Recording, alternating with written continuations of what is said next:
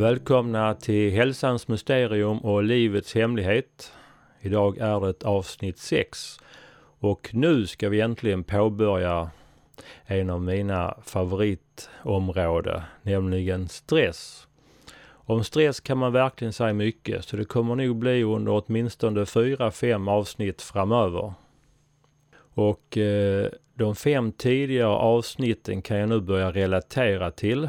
Jag har ju pratat om betydelsen av det inre lugnet, känslans betydelse, att vi lever i en personlig verklighet och hur viktigt det är att börja lära sig hantera sin uppmärksamhet. Och nu senast handlar det om hur tankar, känslor och fysiologi hänger ihop. Och det här är viktigt att ha med sig för att eh, kunna förstå lite mer om stressen. Och eh, jag tänker alltså prata både om hur jag kom in på stress, eh, med hur jag utvecklar mina tankar inom detta. Allt jag har stött på från olika håll, både föreläsningar och böcker eh, och från kurser jag haft. Och eh, jag ska naturligtvis titta på stressens historia eh, från första forskningen, eh, definitioner där och eh, de olika stegen man kan påverka för att slutligen komma fram till naturligtvis hur hanterar jag stressen och hur kan jag bli av med stressen ibland? Och även för begriplighetens skull, även gå igenom vad som händer i kroppen. Och ni som lyssnar får naturligtvis gärna höra av er. Är det någonting av det jag tar upp som känns oklart eller felaktigt eller ni vill kommentera det på något sätt så är ni väldigt välkomna att göra det. Ni kan kommunicera med mig både via mail, telefon och Facebook. Och eh, på min hemsida amixe.se under kontakter står både mail, telefon och eh, Facebook-kontakt. Så gå gärna in där. Är det någonting ni tycker att jag inte tar upp och saknar så påminn mig gärna om det. Det kan ju vara så att det är någon aspekt som jag har missat. Då kan jag försöka väva in det om jag har någon erfarenhet eller några tankar om det. Jag tänkte börja med en viktig bit bara för att det ska komma med så fort som möjligt innan jag sen går in och tar lite bakgrund om stress. Eh, och för att få den här begripligheten och bilden över stress så har jag under åren byggt upp en modell som jag har haft mina föreläsningar. Och det har även varit en modell som har hjälpt mig själv att eh, placera in de olika delarna av stress och för min egen förståelse. Så den bilden tänk, och, och modellen tänkte jag dela med mig av nu. Den byggs på i flera olika steg. Eh, och vi kommer börja med basen här idag. Och eh, den här modellen har jag illustrerat och den ligger på min hemsida. Och idag så är det tre bilder jag tänkte gå igenom. Bild 1 handlar alltså om basen i det här som jag kallar stimuli-responsmodellen. Och med stimuli menar jag, det är någon situation eller händelse som är själva stimulansen som vi utsätts för. Och sen kommer responsen på detta då vår reaktion. Och enligt bild 2 så är reaktionen, den har ju oftast både en emotionell, fysiologisk, mental och beteendekomponent. Ett tag så trodde man ju att eh, reaktionen på ett stimuli var lite stereotypt. Och eh, det ska jag ta lite också om bakgrunden med djurförsök. Men eh, det exemplet som jag bäst tycker eh, kan illustrera det hela är två personer som åker berg och dalbana. Då tänker jag att två personer ska gå på och åka berg och dalbana. löser biljett och sätter sig sidan om varandra i samma vagn och sen startar turen. Båda två kanske skriker. Men det som är intressant jag vill punktera det är att båda två gör ju samma sak, är med om samma eh, situation. De åker runt på den här rälsen samtidigt. Men tittar man då på reaktionen så kan man säga att den ene personen kanske gillar att åka berg och dalbana. Så tittar vi på den emotionella responsen så kanske den njuter av detta och uppskattar det. Och fysiologiskt i kroppen kan den känna lite pirr, den kan ha en lite pulsökning för den tycker att det är lite spännande. Eh, och mentalt så, så eh, tycker den alltså det här är häftigt även om det är lite spännande. Och beteendemässigt så kan den sitta rätt så avspänd ändå. För den tycker trots allt det här är lite roligt. Men tittar vi på den andra personen sidan om så kan den ha panik. Känslan kan vara så den känner sig jättestressad, den mår inte bra, den är till och med rädd. Den är rädd för sitt liv. Rädd för att inte kunna eh, komma tillbaka levande från den här upplevelsen. Tittar vi fysiologiskt så kan det vara ett kraftigt pulspåslag och framförallt det kan vara mycket kortison i blodet som är ett typiskt eh, stresshormon. Och mentalt sitter den och tänker aldrig mer, hur kunde jag gå med, på detta? Jag kommer överleva det här, ska jag aldrig mer åka berg dalbana hela mitt liv. Tillfrågas man om man vill åka mer kommer man säga absolut inte. Medan den andra personen kommer säga ja, visst, den kan mycket väl tänka sig att åka tre, fyra gånger i rad om det bara är möjligt. Och beteendemässigt tycker den här personen som inte mår bra av det eh, den sitter kanske krampaktigt och håller så hårt den kan så eh, knogan, knogarna vitnar så hårt den håller eh, sig fast. Och detta illustrerar just detta att stimulit är detsamma men reaktionen är olika. Eh, och då så kan vi slå fast att de centrala delarna i stressen att stress är en reaktion. Så hur vi reagerar på stimulet är det som är stressen. Och den här stressreaktionen den har alltså en emotionell, fysiologisk, mental och beteendekomponent. Och någon av dem kan ju vara kraftigare än någon annan. Och då är det intressanta frågan, vad är det som orsakar stressen? Är det som orsakar stressen? Det är hur vi uppfattar och tolkar det som händer. Och den här tolkningen den sker medvetet men oftast omedvetet och automatiskt. Så vi är med om någonting och omedvetet gör vi en värdering, bedömning av situationen och vi får då en reaktion som vi då reagerar på. Och själva situationen som vi då ska värdera och uppfatta, det kallas om det är en stressreaktion för stressor. För att skilja just på stressreaktion och det som är själva stimulit.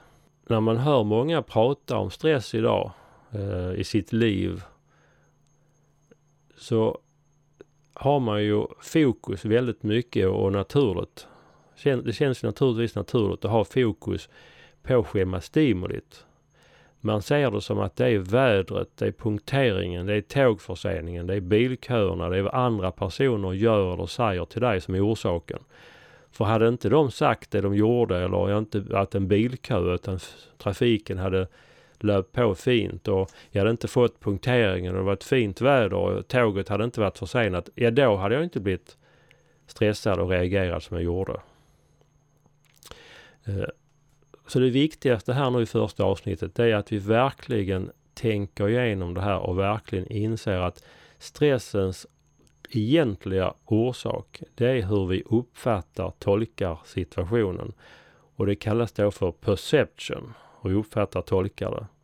Därför finns det många författare och eh, föreläsare eh, som pratar om att perception is everything. Och det är alltså hur vi uppfattar tolkar situationen som är det avgörande. För egentligen allting som händer, det, är, det är egentligen, det bara händer, det bara är. Det är ett väder, det är en, en kö och någon säger någonting. Det är ju först när vårt intellekt blandar sig i detta och börjar värdera detta, sätta en etikett på det. Som man gör det till någonting som är positivt eller neg negativt. Innan man gör detta så bara är det. Så att som man nu tittar på den här modellen, bild 3. Och den här bilden vill jag göra lite bredare så att den här använder jag som en bild av livet, i livet. Så den ska inte bara ses som att det gäller stress. Och då ser vi att eh, nummer ett som jag har benämnt stimulit. Det är ju naturligtvis så att vi får en massa stimuli hela tiden. Vi bombarderas av stimuli på våra sinnen, både inre och yttre. Och det händer hela tiden situationer i det yttre. Och en del kan leda till stress och en del kan leda till tvärtom glädje och lycka och en del är naturligtvis neutrala. Så genom att göra det här till en allmän modell tycker jag det blir intressantare att se på den. Så jag utsätts hela tiden för stimuli och då ska vi under kommande avsnitt titta på hur kan vi påverka själva stimulit? För naturligtvis är det ju så att ibland är det ju stimulit man ska påverka. Men grundfokus måste ändå ligga på eh, siffran 3 här, alltså hur vi uppfattar, tolkar situationen. Så där ska vi prata om vad är det som påverkar hur vi uppfattar, tolkad stimuli? Och hur kan vi ändra detta? Det blir det viktigaste och essensen. Och här kommer det bli lättare sen att förstå vad egentligen meditation och mindfulness handlar om och varför det har så stor eh, nytta. Och sen är det själva reaktionen då. För den här reaktionen, den kommer i sig bli ett, ett stimuli, ett inre stimuli som kommer påverka oss. Och det, på så sätt kommer ju positiva och negativa stimuli kunna leda in oss i positiva och negativa spiraler. Så att för mig, när man pratar om stresshantering, då i första hand handlar det om att stoppa den här stressreaktionen som sker alltså i, i punkt 2, bild 3 pratar jag om. Och bryta denna, så man bryter den inre spiralen. Och om det är att det är en stressreaktion, då är ju stimulit en stressor så kallat. Men jag tycker den här bilden kan man lika bra använda även till positiva stimuli som blir positiva reaktioner. Men den här bilden ska jag vidareutveckla för det kommer att komma in eh, ett antal fler saker. Men jag tycker att tills nästa gång fundera på det här. För det första och inse att stress är alltså en reaktion. Och vi reagerar emotionellt, fysiologiskt, mentalt och beteendemässigt. Och den här reaktionen kommer att bli ett nytt stimuli, ett inre stimuli som det gäller att bryta. Och stressen orsakas av själva orsaken, det är hur vi uppfattar, tolkar det som stimuli som kommer.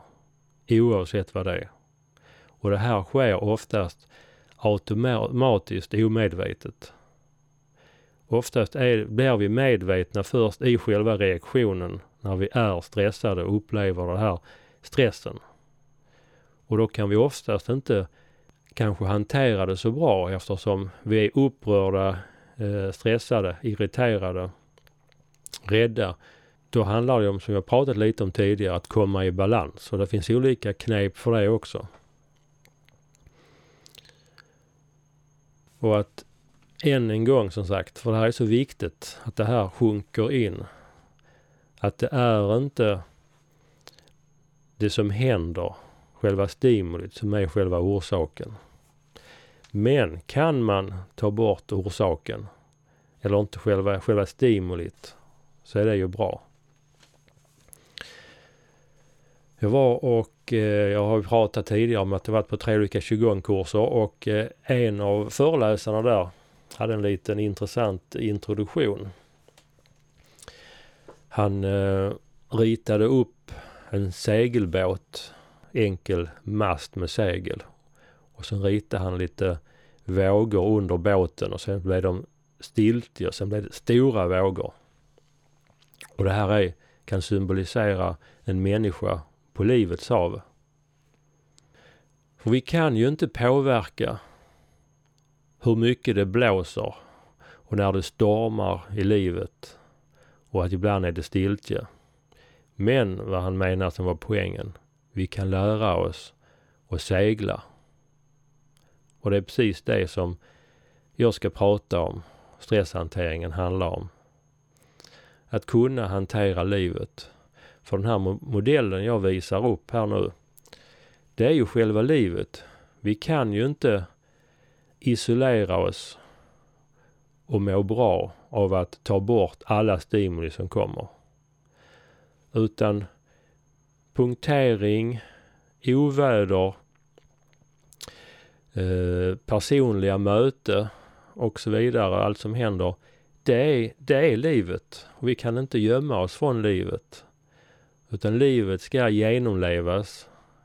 Vi kan däremot eh, lära oss hur vi hanterar det. Och, och eh, när jag läste den mentala träningskursen så var där en bok som tog upp eh, ett speciellt intressant uttryck, nämligen GIGO, som betyder garbage in, garbage out. Alltså skräp in, skräp ut.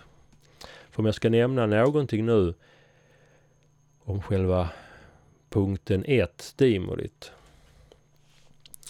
Eh, det här uttrycket skräp in, skräp ut. Det kom från datatidens början. I början var ju datorerna någonting lite magiskt. Man trodde liksom att man kunde få ut vilken information som helst från en dator bara för att man förstod inte riktigt vad en dator gjorde. Och några blev väl lite besvikna då och eh, då myntade man det här uttrycket för man menade att du kan inte få ut bättre kvalitet på informationen än vad du stoppar in i den. Och jag tycker det är rätt så intressant att överföra det till, till oss människor. Att vill vi vara harmoniska individer och vi verkligen vill ha ett inre lugn med den inre lyckan.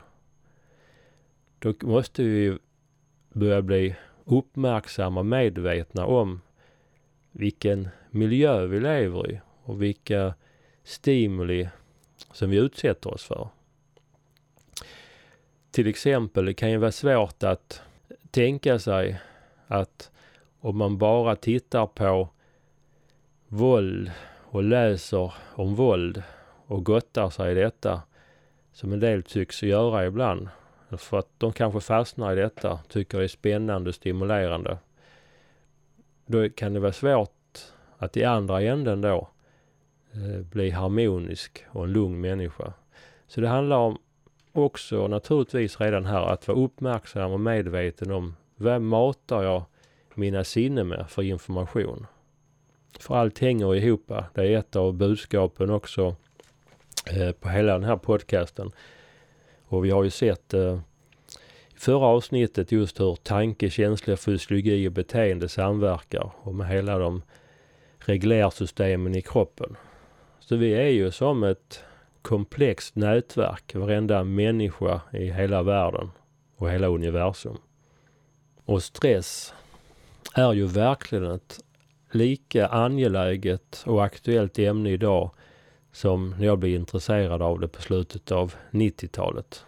Och jag har två eh, bilder jag brukar visa på mina föreläsningar. Och de är snart 15 år gamla. Men jag tror att de siffrorna stämmer minst lika bra idag. Den första bilden, den... Eh, det var när jag var intresserad av detta vill man gärna veta hur pass farligt är stressen egentligen? Vad finns det för siffror på det? Och den första siffran jag kom över, det var källan här är den amerikanska institutet för stress. Och enligt deras beräkningar så uppskattar de att 75 till 90 procent av alla besök på det som motsvarar primärvården och vårdcentralerna här i Sverige är för stress och relaterade problem. Och det är ju en rätt otrolig siffra kan man tycka. Eh, och några år senare så kom den här boken ut som jag pratade om förra gången. Som visade upp sambanden mellan de olika reglersystemen. Och i det kapitlet tar de också fram Eh, en siffra. Och eh, den är lite lägre men de säger att många av de vanligaste sjukdomarna hos den vuxne går i 40 till 70 procent av fallen att koppla till långvarig stress i kombination med en ogynnsam och ohälsosam livsstil. Det tål att fundera på. Och eh, jag tror att, eh, precis som jag pratat om tidigare, man hör det man vill höra och man tror på det man vill tro på. Eh, många vill nog inte ta till sig den här informationen. Men om man bara lägger undan det tänkandet och bara liksom tar det för vad det är. Alltså att 40 till 70 procent av de vanligaste sjukdomarna hos den vuxne går att koppla till långvarig stress i kombination med en ogynnsam och ohälsosam livsstil. Så kan man säga att här är ju en signal och en siffra om betydelsen av att bry sig om sin livsstil. Bry sig om eh, hur man lever. För även om vi till viss del påverkas av generna, vilket jag ska prata om senare, så är det här en siffra att utgå ifrån i alla fall att åtminstone hälften kan vi faktiskt påverka. Och jag själv tror att det kan till och med vara mer. Och den säger siffran också upp till 70 procent.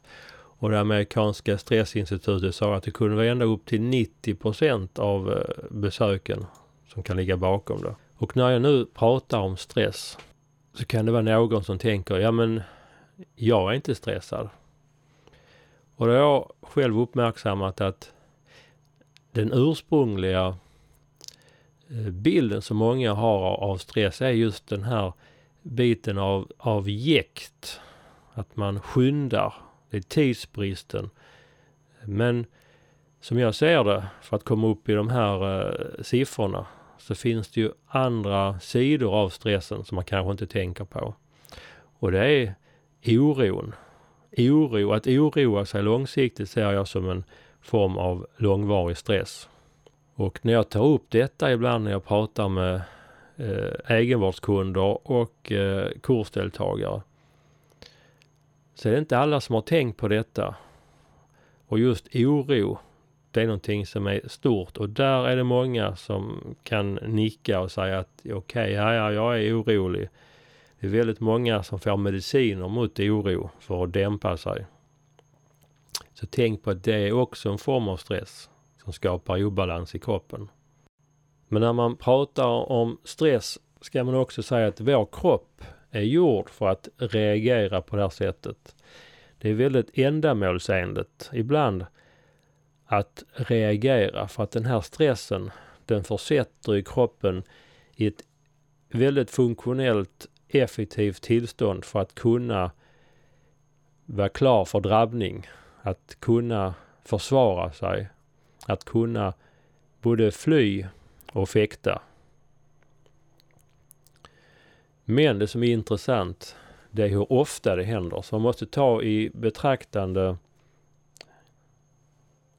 men det som är intressant, men det som är viktigt i den här diskussionen, det är ju att ta in hur kraftfull är själva reaktionen, alltså intensiteten. Och hur ofta kommer den här stressen eller oron, frekvensen alltså. Och hur länge sitter den i varje gång den kommer, alltså durationen. För det är de här tre delarna som tillsammans avgör hur farlig egentligen stressen blir. För man pratar just om, i de här exemplen jag sa, att det är långvarig stress. Så att en måttfull stress som inte händer så ofta och inte sitter i så länge. Det är helt ofarligt och det är vår kropp gjorda för. Men den här stressen som sitter i hela tiden och det är där den här just oron kan vara, för att just oro är någonting som kan mala under lång tid. Och naturligtvis även känna en otillfredsställelse, en, eh, att ligga efter från deadlines, att ligga efter med eh, uppgifter. Det kan naturligtvis också vara ligga över väldigt lång tid. En del människor fungerar tyvärr så att om man är religiös så är det vissa saker som man inte lyssnar på om det har minsta Eh, risk att det kommer från informationen från en annan religion. Och de som är icke-religiösa och är ateister, de har ibland svårt att ta till sig information eller budskap om det har en religiös koppling. Och det är väldigt tråkigt att man inte kan vara öppen och värdera informationen eh, utifrån vad den är, oavsett ursprung. Men just när det gäller stresshanteringen, nu stresshanteringens kärna, så är ju detta verkligen någonting som borde beröra alla. Och det, där har det ingen betydelse om man är troende eller inte, eller vilken religion man har. Men samtidigt så är det ingenting nytt. För går man tillbaka till buddhismen för 2 500 år sedan. Eh, den upplysta Siddhartha som blev Buddha. Han sa ju redan då att orsaken till det mänskliga lidandet det går att finna i hur människan tänker. Och för, som jag tolkar det så var det ju lidandet han ville hjälpa människor att få bort. Och stressen och oron var en form av lidande. Så att redan där pratar man om detta. Och jag kommer att ta upp olika ordspråk för att belysa att eh, det här är ingenting nytt. Ett eh, av mina favorituttryck är ett kinesiskt gammalt ordspråk. Och det heter Vi kan inte hindra sorgens fåglar från att flyga över vårt huvud men från att bygga bo. Ibland blåser det upp till storm och ibland är det stiltje.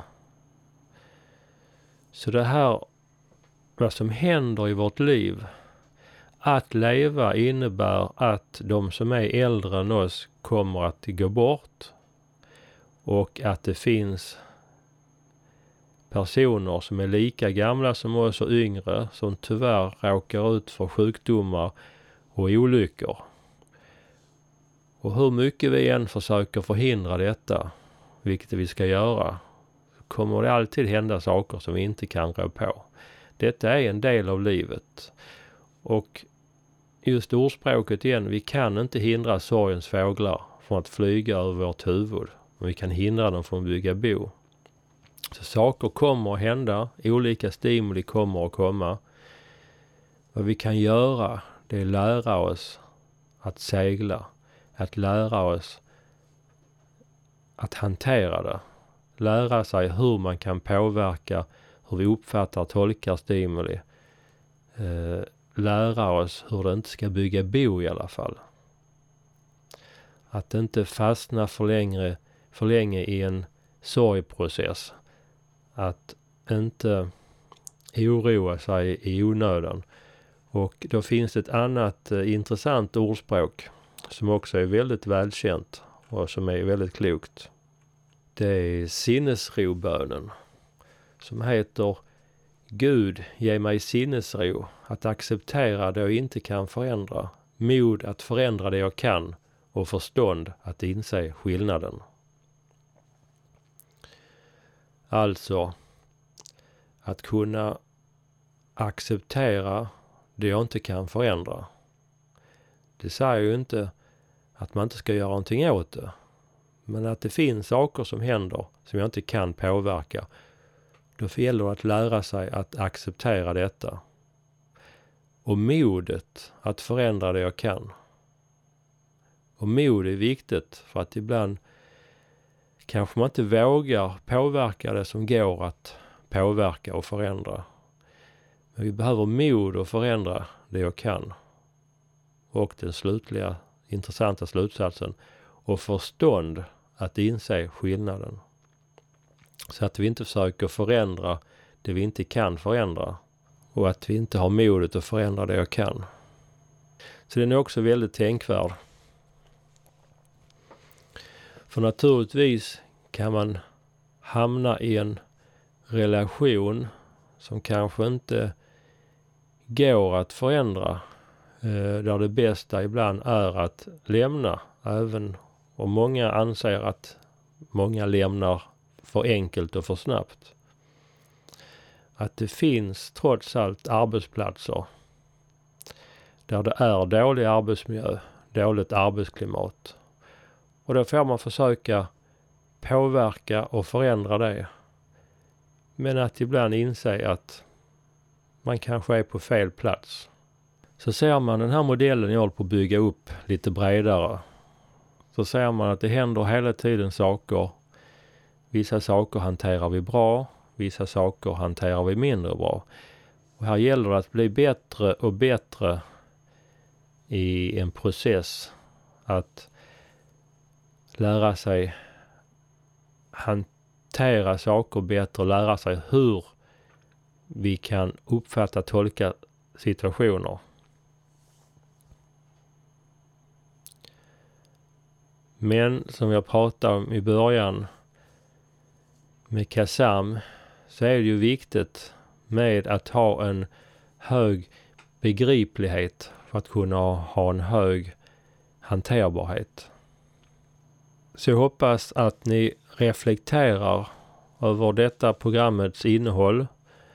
Titta gärna på bilderna på hemsidan på amixe.se och sen fortsätter jag den här stresshanteringsresan i nästa avsnitt.